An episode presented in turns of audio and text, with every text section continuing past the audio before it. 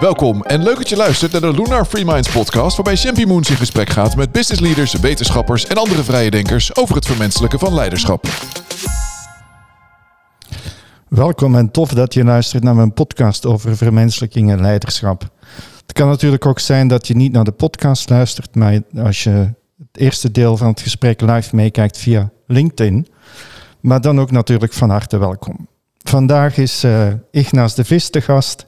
Ignaas is uh, professor uh, filosofie en medische filosofie en ethiek aan de UGent. Auteur en keynote spreker en een van onze vaste sprekers in de Lunar opleidingen. Vanaf het prille begin al, Ignaas. Van harte welkom. Met Ignaas ga ik vandaag in gesprek met, over de tirannie van het nu. Ons eerste thema van dit jaar. Uh, van harte welkom Ignaas in onze studio. Dankjewel, dankjewel. Heel fijn hier te zijn. Mooi. Nou, voor het derde jaar op rij ga ik uh, in gesprek over vermenselijking en leiderschap. Je was ook commentator bij heel veel afleveringen, uh, bij de mensen die ik gesproken heb. we zoomen dit keer in op het thema de tirannie van het nu in relatie tot het leiderschap. Maar voordat we daar verder op inzoomen, Ignaas, uh, uh, wil ik even met jou hebben over je laatste activiteiten die je ontplooid hebt. Hè? Want je bent niet alleen wetenschapper en hoogleraar, maar intussen ook sinds een tijdje uh, leider van een denktank Itinera in België. Ehm, gericht op duurzame welvaartscreatie. Kun je daar iets meer over vertellen? Zeker. Want het ehm, raakt ook wel aan het thema van vandaag. Ja, absoluut. Um, sowieso uh, had ik al zelf ergens het plan uh, in mijn achterhoofd om ooit eens zelf een denktank uh, op te richten. Omdat mm -hmm. dat voor mij belangrijke plaatsen zijn in de samenleving waar je letterlijk vrij kan nadenken. en toen ja, kwam Itinera plots op mijn pad, omdat de CEO afscheid aan het nemen was en ik in het vizier was gekomen. Voor de reden die evident was, nou, ik ben vrij present in het publiek debat als filosoof. En ik vind dat ook heel belangrijk om dat te doen. En de thema's die Itinra van oudsher bespeelt, die gaan ook een beetje breder uh, sinds mijn aanstelling. Dus ook duurzaamheid, het woord is gevallen, ja. staat prominent voorop. De koppeling van welvaart en uh, welzijn, een heel belangrijk aspect in onze samenleving. En ik heb het engagement opgevat om, uh, ja, Itinera bestaat 15 jaar, om ze verder op de kaart te zetten. En om heel present in dat publiek debat aanwezig te zijn, om in die, in die moeilijke, ja, in dat moeilijke vaarwater van vele opinies en felle emoties en gepolariseerde standpunten toch de rust te behouden, gefundeerd te proberen spreken. En niet op te houden met mensen informatie aan te leveren in de hoop dat ze bereid zijn om mee te denken. Mm -hmm. ik, ik ben daar eigenlijk vrij optimistisch over. Het is soms moeilijk om mensen te bereiken, maar eens je het gevoel hebt dat er connectie is, dan kun je heel veel. En ik, uh, ik vind het een heel mooi uh, extra engagement bovenop mijn taak als hoogleraar. Ja, ja. En wat is de belangrijkste ambitie als je het hebt over duurzame welvaartscreatie? Wil die denktank alleen praten over of zijn er ook ambities om iets in gang te brengen? Zeker dat laatste. We willen ja. impact hebben op uh, beslissingen we willen ook tonen hoe heel wat ondernemers eigenlijk al 10, 15, 20 jaar dat thema duurzaamheid hebben omarmd. En met die concrete praktijken die we als verhalen willen brengen in de publieke ruimte ook duidelijk maken dat je niet altijd hoeft te wachten op dat grote beleid. Hè, want het is mm -hmm. vaak mm -hmm. veel te lang wachten en dan kom je toch, toch uh, tot vaak verwaterde compromissen die de zaak eigenlijk niet vooruit helpen. Mm -hmm. Dus we willen zeer concreet aantonen dat uh, duurzaamheid en welvaartscreatie geen tegenstellingen zijn. Dat is een heel belangrijke. Ja. En twee, dat het uh, welzijn van de hele samenleving op het spel staat als we daar nu niet dringend massaal, dus met z'n allen mee aan de kar gaan duwen. Hè? Want het is, mm. het is vijf na twaalf, dat weten we ondertussen al allemaal, maar er is een kloof tussen die kennis, dat inzicht en ons handelen. Ja, uh, precies. Ja. En daar willen we echt het verschil in maken. Ja. ja. Een mooi bruggetje naar uh, het thema van vandaag, de tirannie van het nu.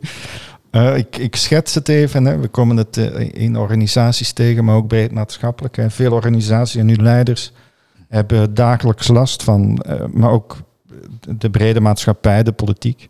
In organisaties zien we vooral een spagaat tussen korte en lange termijn denken.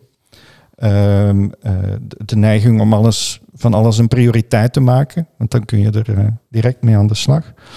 Uh, we weten ook dat dingen anders moeten of kunnen, maar de waan van de dag reageert heel vaak hè, in uh, veel, menige organisatie. Nog eens versterkt door die COVID-crisis, denk ik. Maar ook breed maatschappelijk uh, benoemen we steeds meer dingen als een crisis. De woningmarktcrisis, de klimaatcrisis, alles wordt een crisis. In de hoop dat we snel iets kunnen oplossen. Maar de echte lange termijn denken, dat, ja, dat komt niet zo aan bod. En soms lijkt het alsof we vooral praten over thema's zoals gezondheid, preventie, duurzaamheid, klimaat, maar er niet zoveel aan doen. En ook, nou, hoef ik uh, niet breed uit te meten, mm -hmm. in de politiek is het de laatste jaren ook vooral korte termijn perspectief. Hè? Bijna van uh, regeerperiode tot regeerperiode. Wat is hier volgens jou aan de hand? Uh, zijn, we, zijn we te druk of zijn we juist een beetje lui geworden? Of onverschillig? Of uh, speelt eigen belang hier een rol? Wat, uh, hoe kijk jij dan naar, uh, Ignaas? Wel, ik denk dat er inderdaad een opvallende tendens is om um, heel veel over crisis te, crisis te, liever te spreken. Wat we zien op individueel niveau is dat we steeds meer woorden hebben om stoornissen te benoemen. Mm. En op collectief niveau gebruiken we steeds meer het woordje crisis. Waardoor het lijkt alsof beleid zich vooral met die crisissen dan moet bezighouden. En dan krijg je een aanhoudend crisismanagement van de ene urgentie naar de ander. Maar de visie ontbreekt om voorbij die waan van de dag, zoals je zei, te gaan mm-hmm. kijken. En eigenlijk ons de vraag te stellen, als we heel even dat crisismanagement verlaten, wat hebben wij nodig op middellange en langere termijn om hier doorheen te raken? En dan zag je en zie je, want COVID is helaas nog niet voorbij, dat die uh, bedrijven, bedrijfsleiders, die organisaties die eigenlijk al aan het vooruitdenken waren, COVID beter hebben doorstaan dan zij die dachten, we leven van dag tot dag, van week tot week en de quick wins, die nemen we wel mee. Die, hebben het, die laatste hebben het veel moeilijker gehad. Ja. Dus wat is er nodig? Je hebt een, een, een structurele aandacht nodig voor de visieontwikkeling waar je heen wil. En hoe meer je dat in je organisatie of bedrijf hebt ingebakken, mm-hmm. hoe groter de kans dat je ook die crisissen die er onvermijdelijk zullen zijn, en er zullen nog komen, dat je die doorstaat. Omdat je verder kijkt dan de eerstvolgende uh, balans die je moet opwaken. En die balans is nodig. Maar als je daar niet doorheen kijkt en niet verder hebt ontwikkeld dan wat je in het kort moet, dan is de kans dat je overleeft veel kleiner. Mm-hmm. Dus daar moet echt dringend meer aandacht uh, naartoe gaan.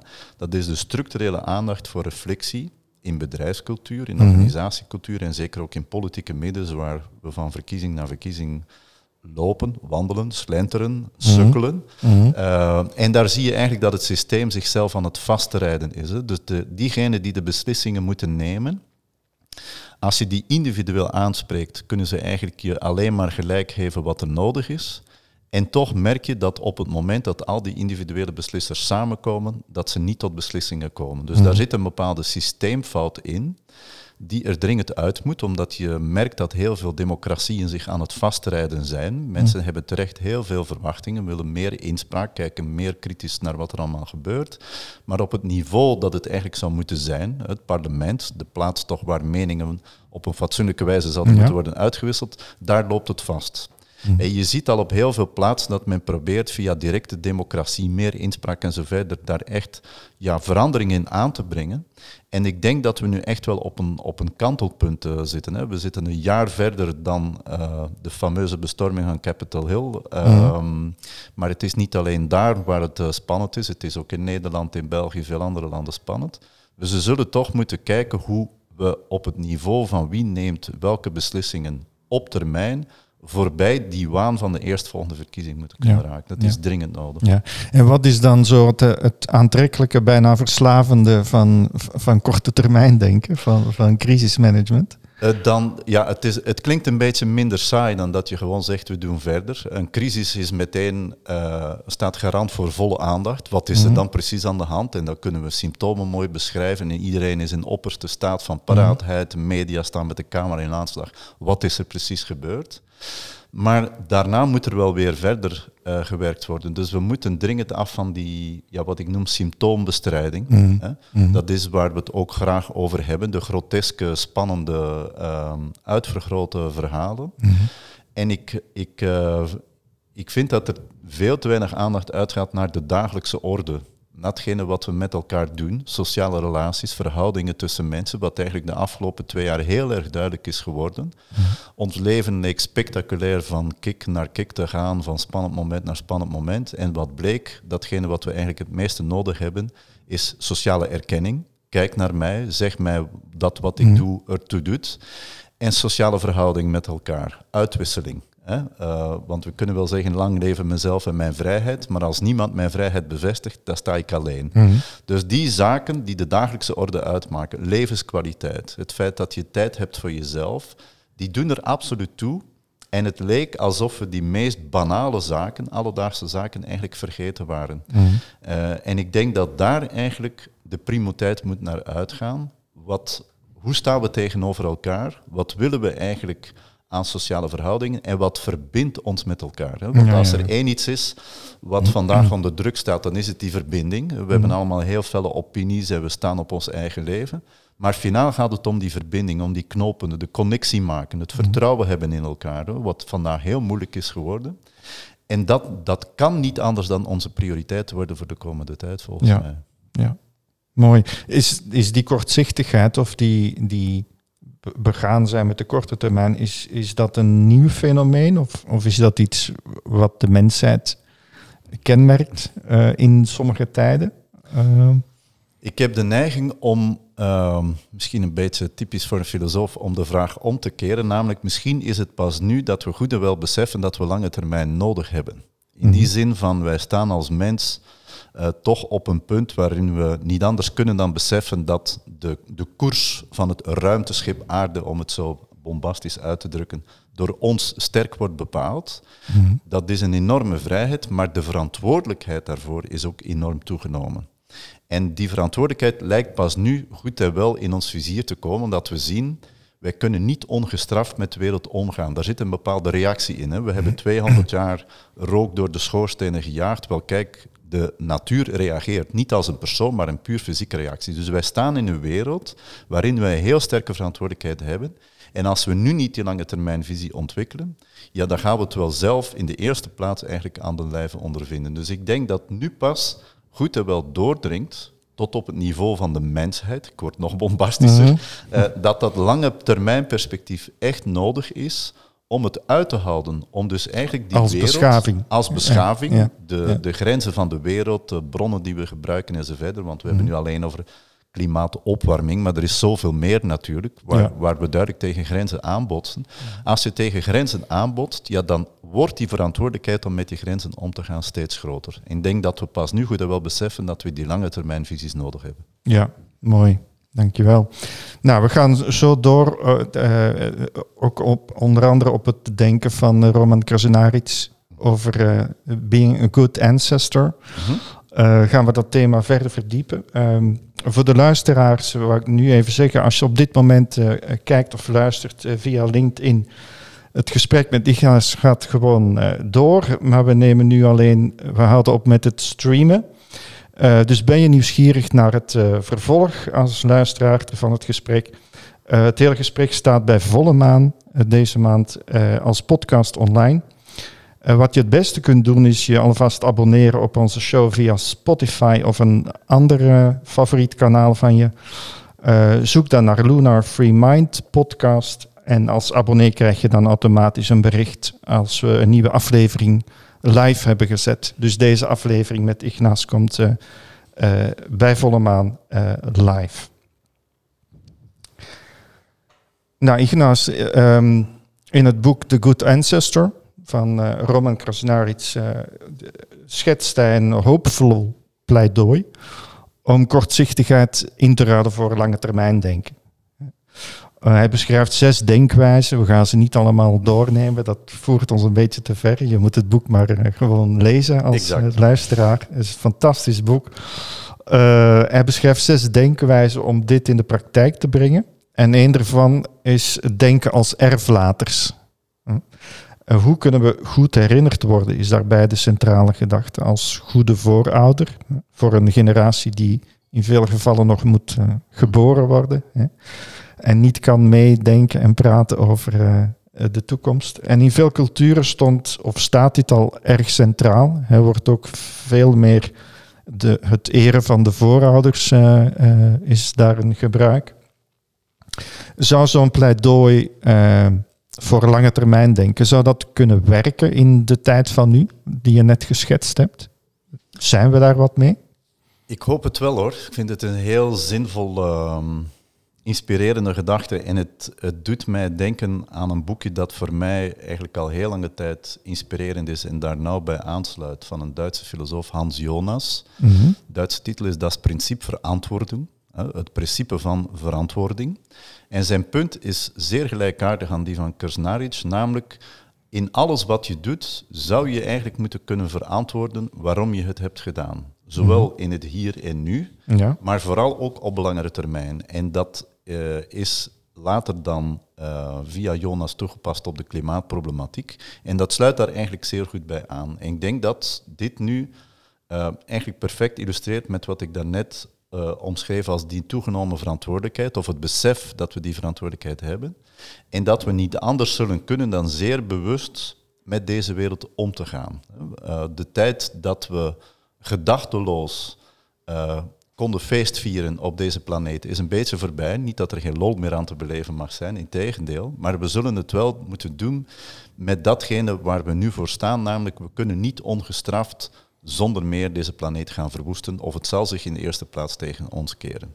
Dat wil zeggen, als wij een klein beetje willen herinnerd worden als een fase die zich al voorbij de barbarij heeft gepositioneerd, mm dan zullen we beter moeten doen dan we vandaag doen. Hè? Want we hebben die verpletterende verantwoordelijkheid om niet de wereld naar de vaantjes te helpen voor diegenen die na ons komen, die dan eigenlijk met alle ellende zouden geconfronteerd worden. Het is nu al uh, ja, een echte zware, niet alledaagse crisis, maar echt een systeemcrisis. Dus die zullen we moeten opgelost zien te krijgen via, via technologie, maar vooral via een andere manier van in de wereld staan. Mhm. En wat Kersnaric eigenlijk uh, aanduidt, is volgens mij de noodzaak om daar nu collectief werk van te maken. En ik weet het, op, op globaal niveau is het altijd moeilijk om tot een consensus te komen. Ik denk dat we zeer goed moeten kijken op welk niveau die beslissingen kunnen worden genomen. Maar wat ik bijvoorbeeld zie, is dat wereldwijd een heel netwerk aan steden, kleinere beslissingsniveaus ontstaan, die met elkaar beginnen samenwerken omdat ze merken dat de problemen eigenlijk zeer analoog zijn, waar ze zich ook ter wereld voor. Ja, ja. Ja. Dus daar is iets aan het groeien dat eigenlijk zeer goed aansluit bij wat Kersnaric bedoelt. We moeten verder kijken dan wat gebeurt er volgend jaar. We hebben echt de generaties die na ons komt een bepaalde verantwoording af te leggen. Wat hebben wij met de wereld gedaan en wat laten we na? Wat is onze erfenis? Ja. Ja. Dus hij noemt een heel belangrijk punt. Hij noemt het ook time rebels, hè? de mensen die uh, op die manier naar de wereld kijken en uh, opstaan. Ja, mhm. en ik denk ook dat, dat de groep aan mensen dat zich daarvan bewust is, dat die eigenlijk geruisloos aan het toenemen is. Want mhm. op een bepaald ogenblik besef je ook, ook politiek zie je dat gebeuren, dat je hebt er nog altijd wel een aantal die, die het zonlicht ontkennen en nee, klimaat wordt niet op en zo, maar die, mhm. dat wordt een steeds kleinere minderheid. En je ziet het besef steeds breder groeien. En dan is het nu van belang dat dat inzicht zich gaat vertalen in concrete acties, zodanig dat er ook iets mee gebeurt. Dat is wat men dan noemt de window of opportunity. Die doet zich nu voor. Nu is het besef heel scherp. Dit kan niet zo verder. We hebben andere zaken nodig, nieuwe ideeën, nieuwe inzichten. En we moeten daar vooral zeer concreet mee aan de slag. Ja. Even een reflectie die ik me zo kan voorstellen, die zich bij luisteraars kan voordoen. Uh, mensen die denken van, joh, ik ben leidinggevende. Uh, ik vind het leuk om naar podcasts te luisteren. ik heb het al zo druk met het managen van mijn business en mijn mensen, mijn team. Het halen van de korte termijn doelen. Uh, ik heb het druk met mijn work-life balance. Hè, zoals zoveel van ons met persoonlijke ontwikkeling. Moet ik me nou ook nog gaan bezighouden met de lange termijn?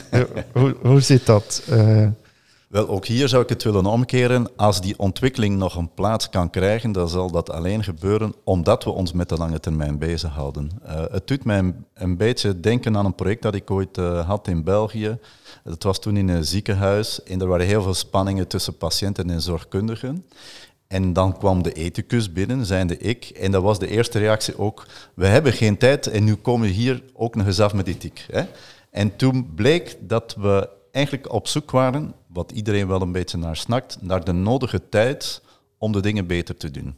En dan hebben we de oefening gedaan eh, om een paar weken niet de hele tijd uit te gaan van wat moet er nu de eerstkomende vijf minuten, of het eten moet om 12 uur klaarstaan, om eerst te luisteren naar mensen, waarom, eh, eh, wat, wat scheelt er, wat gaat er hier om en zo verder, en daarna te kijken, hebben we aan het einde van de rit minder of meer tijd over. En wat bleek, na een paar dagen, als je goed luistert naar mensen, heb je aan het einde van de rit meer tijd over, omdat die spanningen wegvallen en je dan kan beseffen, een goede interactie tussen mensen loont, zelfs in tijd. Ik ben ervan overtuigd, als je dit nu op, op collectief niveau gaat bekijken, en je stelt je de vraag, als ik er nog iets moet bijnemen, ja, dat lukt het natuurlijk niet, maar de vraag is, waarom zie je dat als iets dat je er moet bijnemen? Ik denk dat je het eerder moet zien als een uitgangspunt, van waaruit je al die andere zaken gaat organiseren.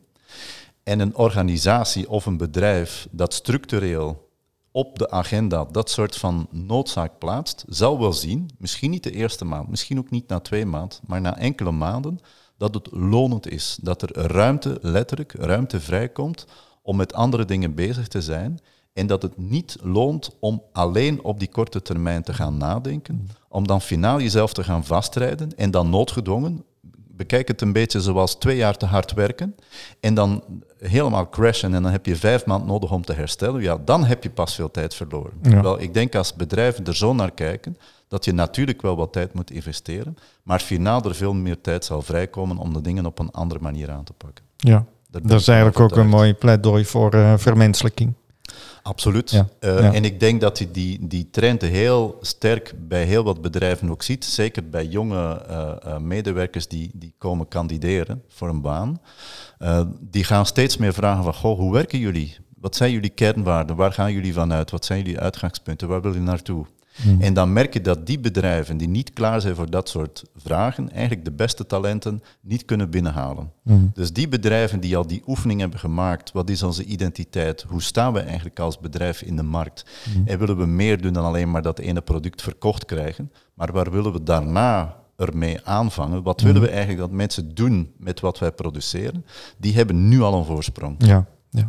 En dat zal alleen maar groter worden als de rest niet erin slaagt om bij te zeker. Dat herken ik ook. Ja. Ik wil even terugkomen op een tweede denklijn van Krasnaric. Dat gaat met name over het eh, beter leren beoefenen van het kathedraaldenken, zoals hij dat noemt. Ik denk niet dat het een term van hem is, want ik heb het al vaker gehoord. Hè. Dus waar gaat kathedraaldenken om? Het gaat eigenlijk over het opzetten van projecten om grotere problemen op de langere termijn voor te zijn of op te lossen. En eh, nou, bekende voorbeelden noemt hij ook in zijn boek, zijn het eh, Panama-kanaal of de ontwikkeling van het eh, polio-vaccin. Ehm, zijn we dat denken, dat kathedraaldenken, er worden ook niet zoveel kathedralen meer gebouwd, hè, letterlijk niet. maar nee, ik was laatst in Rome. Ja, je bent daar ook vaak geweest en dan, Absoluut. dan loop je daar ook tussen gebouwen die niet voor 50 of 100 jaar, maar die voor de eeuwigheid gebouwd zijn.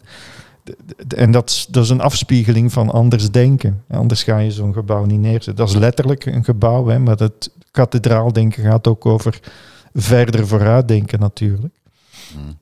Z- Zijn we dat afgeleerd of hoort dat niet meer bij onze huidige visie op bes- beschaving? Eh, moet alles eh, binnen twintig jaar afgebroken en terugverdiend zijn? Of eh, hoe zit dat? Ja, dat is een heel belangrijke vraag, omdat er inderdaad wel een tendens is om, om vooral dat korte termijn perspectief gaande te houden. Een beetje de prefab-cultuur. Je zet een gebouw neer wetende dat het over tien jaar eigenlijk al half uitgewoond zal zijn. Dus is de vraag, wat ben je daar dan mee? Als wij nadenken over, over ehm, duurzaamheid en vermenselijking, dan zullen we denk ik ehm, de gedachte aan een kathedraal weer centraal moeten stellen. En er worden er inderdaad geen meer gebouwd. Maar we zouden toch ook moeten beseffen dat de kathedralen die gebouwd zijn, ehm, heel belangrijke functies hebben gehad. En goed, we leven in een andere wereld. Maar het perspectief dat je iets bouwt dat niet alleen voor jezelf is, maar om op Kersnaris terug te komen, ook voor de generaties na ons. En dat de betekenis van die gebouwen wel kan verschuiven, zoals wij nu andere betekenissen geven aan kerkgebouwen en kathedralen, letterlijk. Ze krijgen een andere invulling. Maar het gebouw, het monument, het monumentale, blijft wel bestaan. Mhm. Dat wil zeggen, dat kunnen plaatsen zijn waar mensen bijeenkomen, zaken gaan uitwisselen. En als je ziet hoeveel nood er is in de openbare ruimte aan dat soort van zaken, hè, waar mensen op een betekenisvolle manier met elkaar in gesprek gaan, dialoog, noem maar op. Ja, dat kun je alleen maar doen als er een agora is, als er een ontmoetingsplein, een plaats is. En ik vind dat nog altijd een heel belangrijke verwijzing naar de geboorte van onze democratie. Hoe is die tot stand gekomen? Omdat er een plein was waar mensen letterlijk konden bijeenkomen. Niet alleen de kleine steegjes, maar er was een plaats waar er ruimte was, in de meest letterlijke betekenis van het woord. En ook daar heeft men het perspectief genomen. Wij moeten verder kijken dan wat we volgende week, volgend jaar of zelfs eh, de generatie na ons doen. Wij willen iets neerzetten dat de tantes tijds doorstaat. En oké, dat betekent inderdaad dat je niet meteen als politicus kan zeggen van kijk, eh, over twee jaar hebben we dit gedaan en dan zijn we weer een heel stapje verder. Soms moet je langer investeren in iets om op de meest duurzame manier ook de geschiedenis mee gestalte te geven. En ik denk dat daar in feite het, een, een historisch bewustzijn nodig is. Want ik denk dat het daar ons wel een beetje aan ontbreekt. Hè. We, we denken altijd, goh, alles voor ons was eigenlijk primitief en wij zijn hyper gemoderniseerd enzovoort. Ik ga altijd terug persoonlijk naar de Griekse tragedies en daar zie je eigenlijk alle valkuilen die je als mens in je cultuur kan maken. De hoogmoed, het denken dat je met iets klaar bent, uh, struikelen over je eigen verlangen enzovoort. En ik, Mhm. ik blijf erbij, ik raad iedereen aan om elke zoveel tijd de Griekse tragedies te ja. herlezen. Ja. En dit als inspiratiebron te gebruiken van wat is nu eigenlijk het basiselement van cultuur, waar moeten we het over hebben met elkaar en wat kan dat, als je dat laat doorcijpelen in bedrijven en organisaties, aan betekenis meegeven vandaag. Want die betekenis die is er nog steeds. We, we zijn nog steeds mensen met onze ja, goed gekende tekortkomingen Ja. en, en ehm, we zullen altijd ergens worstelen met ons eigen verlangen. Dus dat blijft historisch gesproken nog altijd hetzelfde. Maar dan moeten we onze cultuur er wel naar inrichten. Mhm. Ik denk dat dat eigenlijk iets is wat we van de oude Grieken nog steeds kunnen leren. Ja, ja, ja, ja. Ik wilde nog even terugkomen op dat, eh, wat ik net eh, zei over onze drukke levens. Hè. We hebben het al zo druk met het nu en met het managen van al die crisissen. Eh, en het vinden van de oplossingen voor de dingen die voor onze voeten liggen. In een van jouw boeken, Rusteloosheid, eh, gaat het ook hierover. En eh, wa- wat me altijd bijgebleven is, is dat je eh, beschrijft hoe in de jaren 50 en 60 de voorspelling over de tijd van nu zou zijn dat we ons zouden gaan vervelen. Want ja, er is geen werk meer, want het is overgenomen door robots en, en machines. En wij zitten ons een beetje te vervelen. Dat is het probleem van de tijd. Nou, niets is minder waar. Hè? Als je ziet naar, dat we ook wel veel eh, zieke mensen hebben het- die te, druk zijn. Eh, wat is hier aan de hand? Kun je daar even op eh, reflecteren? Eh, hoeveel uur hebben we nog? Omdat het natuurlijk wel een fundamenteel probleem is, waarvan we lange tijd hebben gedacht dat we er met een paar tips wel onderuit zouden raken. Hè. Eh, organiseer je leven een klein beetje beter en je kunt het gecombineerd krijgen met elkaar. Wat blijkt, hoe meer je het probeert te combineren, hoe meer er nog op je afkomt. Dus we zitten in een wereld waar de mogelijkheden om dingen te doen veel groter is dan wat we kunnen doen tijdens ons leven. Dus er zit een kloof tussen het mogelijke, wat we in een leven behapbaar kunnen Ja. eh, eh, realiseren, en al die andere zaken waar we niet aan toe komen. Dus we staan voor die opgave om beter te gaan selecteren en de illusie te doorprikken dat hoe harder je werkt, hoe beter het dan zal lopen. Het tegendeel blijkt. Dus we hebben ons eigenlijk toch vrij collectief vastgereden in die gedachte dat als je een beetje harder werkt, dat het dan wel vanzelf oké wordt. Wat zijn we ondertussen verloren in dat gejaagde verder gaan? Eigenlijk onszelf. Finaal gesproken, daar komt het op neer. Namelijk, we zijn vergeten om onszelf de vraag te stellen, is dit wel wat we willen? En nu hebben we de afgelopen twee jaar noodgedwongen allemaal onszelf met die vraag moeten confronteren. Toen we, zoals vandaag ook nog in Nederland, weer thuis opgesloten zitten en met onszelf eh, aan de slag moeten. Je kunt niet anders, eh, want de, de- heel veel prikkels zijn weg, je kunt niet uitgaan en zo verder.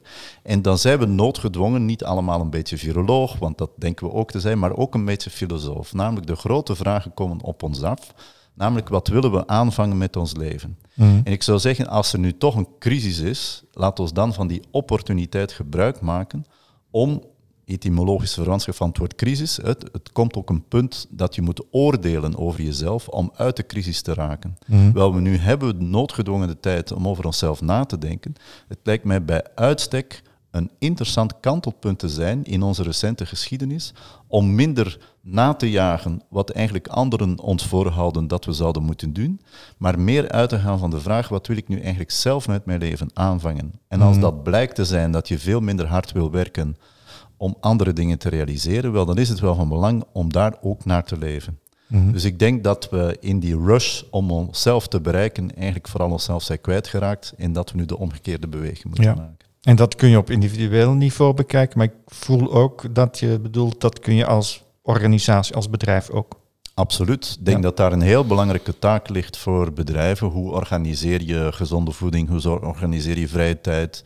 Hoe zorg je ervoor dat eh, medewerkers elkaar kunnen ontmoeten? Hoe Mhm. ga je om met e-mailverkeer? Hoe zorg je ervoor dat mensen kunnen deconnecteren af en toe, zodanig dat we niet allemaal het gevoel hebben aan het einde van de avond, ik heb zeer hard gewerkt, maar het is eigenlijk nog niet voldoende geweest. Mhm. Dus dat is de verantwoordelijkheid van het collectieve niveau. Mhm. Dat is dat we met elkaar afspreken dat op een bepaald ogenblik van de dag we de dingen ook kunnen platleggen zonder met schuldgevoel even op de bank te gaan zitten. En dat Ja. is wat vandaag nog voor veel, laten we zeggen, mensen een worsteling is. Eh, en je mag niet die worsteling alleen op het individuele niveau gaan afreiken. Je moet er ook voor zorgen dat er collectief weer rustpunten komen in de samenleving, waar we met z'n allen andere dingen kunnen doen dan alleen maar ons eerstvolgende cijfer te halen. Ja, mooi. Mooi gezegd, ja.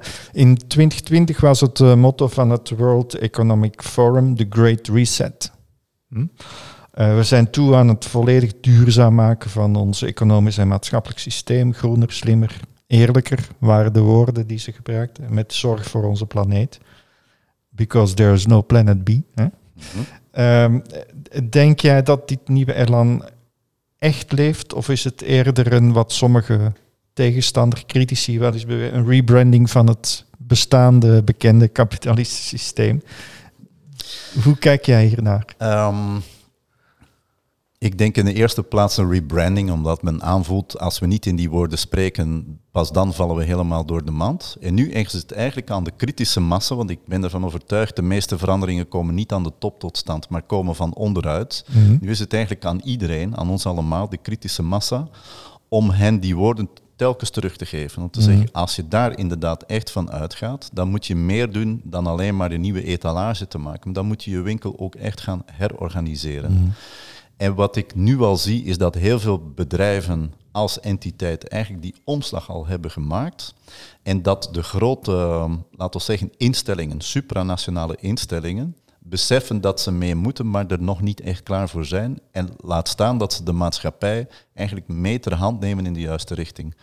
Ehm, en de moeilijkheid is inderdaad, om, want dat is inherent aan het kapitalisme, als, als de mode, eh, als het, nee, ik zal het anders formuleren, stel dat er een reactie komt tegen de mode met een soort van anti-houding, dan is het jaar daarna de anti-houding de nieuwe mode geworden. Ja, ja, ja. Dus dat is de moeilijkheid. Je zit voor je tweet weer gecapteerd in datzelfde denken met een iets andere inslag. Dus het komt erop aan om ook die ruimte voor ja, fundamentele vragen, om ook daar die scherp te houden en ervoor te zorgen dat het echt gaat kantelen. Want voor je tweet is de window of opportunity voorbij.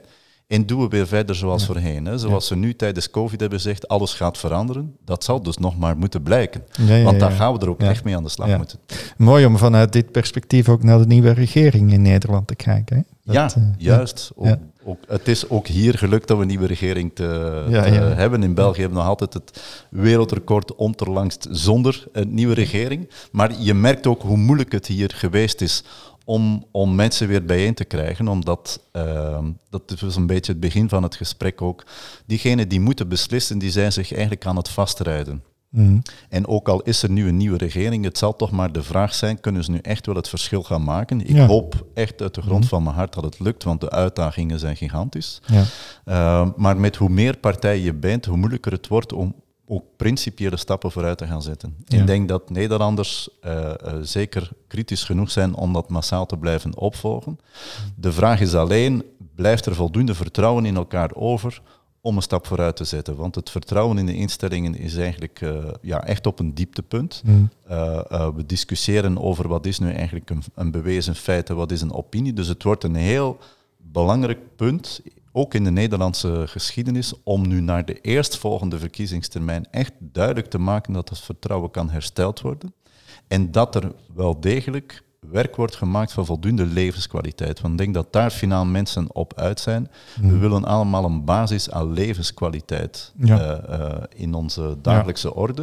En we hebben gezien dat de welvaart gemiddeld is blijven toenemen. Maar als je mensen vraagt, ben je gelukkig? Dan blijkt dat af te nemen. Mhm. En dat is een zeer interessante kloof, maar ook wel een zeer bangelijke kloof. En die kloof moet weer gedicht worden. Namelijk dat de welvaartscreatie gekoppeld wordt aan welzijn, Mhm. aan dagelijks welzijn. En dat kun je alleen maar door voor levenskwaliteit te zorgen. Ja.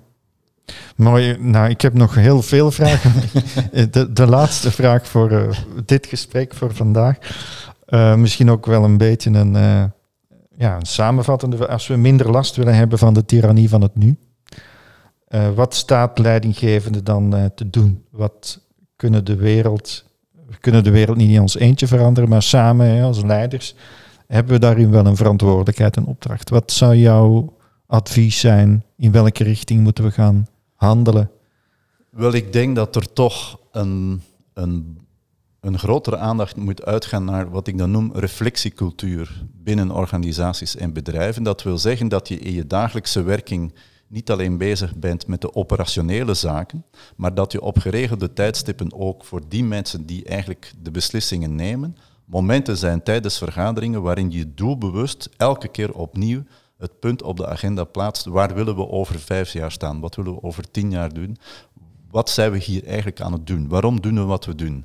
En dat, dat lijken ja, inderdaad afgrondelijke filosofische vragen, maar je kunt die zeer concreet gaan invullen. Mm. Omdat je dan eigenlijk op je eigen positie gaat bevragen. Dus die zelfbevraging, niet in de gratuite zin van het woord, maar echt fundamenteel. Waarom doen we wat we doen?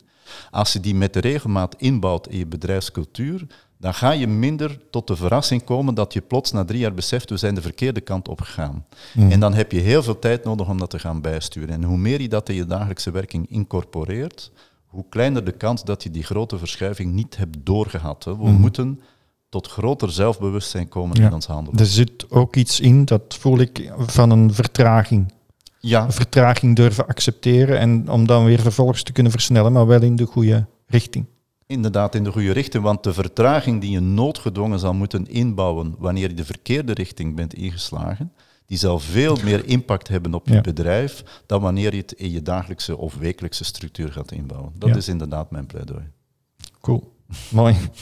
Ignaas, we zijn uh, aan het eind gekomen van ons gesprek. Ik wil je van harte bedanken voor dit wederom mooie gesprek. Met veel genoegen. Ja, tof, dank je wel. Uh, voor de luisteraar, dit was de Free Mind podcast van uh, Lunar Institute, onze eerste van het nieuwe jaar. Heb je met plezier geluisterd, dan zou ik het heel leuk vinden als je een waardering achterlaat. En mocht je nog niet geabonneerd hebben via Spotify of je favoriete kanaal, dan kun je dat alsnog doen. Dan krijg je ook automatisch een melding als er een nieuwe aflevering live staat. Bedankt voor het luisteren en tot de volgende volle maan.